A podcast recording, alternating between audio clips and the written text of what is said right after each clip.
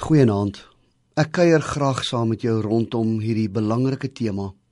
God se plan teen bekommernis. Ek weet nie wat se swaar klippe daar in jou hart is nie. Ek weet nie wat se uitdagings jy moet trotseer nie. Ek weet nie of jy kommer oor jou bankbalans wat in die rooi is nie. Ek weet nie of jy in iewers in 'n verhoudingsprobleem vasgekluister sit en jy kan nie daar uitkom nie. Ek weet nie wat is jou uitdagings nie.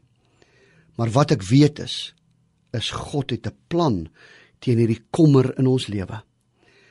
As ons lees in Matteus 6 vers 25, dan sê die Here: "Moet julle nie bekommer oor julle lewe, oor wat julle moet eet of drink nie, of oor julle liggaam, oor wat julle moet aantrek nie.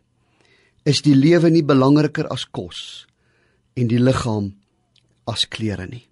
God se plan teen jou kommer is dat jy perspektief moet kry oor jou probleem.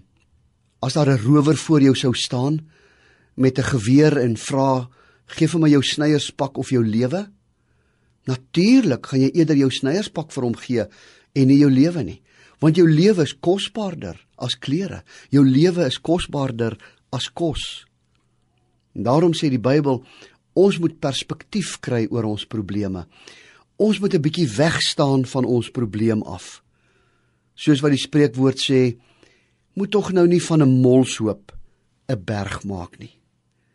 En as daar 'n sekere situasie is wat broei in jou gedagtes, waak daarteen dat dit 'n stuk kanker word wat uiteindelik jou hele lewe oorweldig en versuur. Ek het goeie raad vir jou.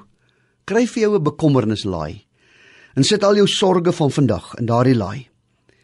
En volgende week as jy die laai oopmaak, gaan jy besef jou sorges is baie ligter.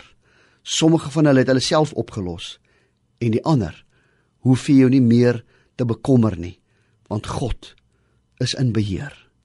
Here, ek sit vandag al my sorges, my kommer in u bekommernislaai. Dankie dat u my daarin sal help. Amen.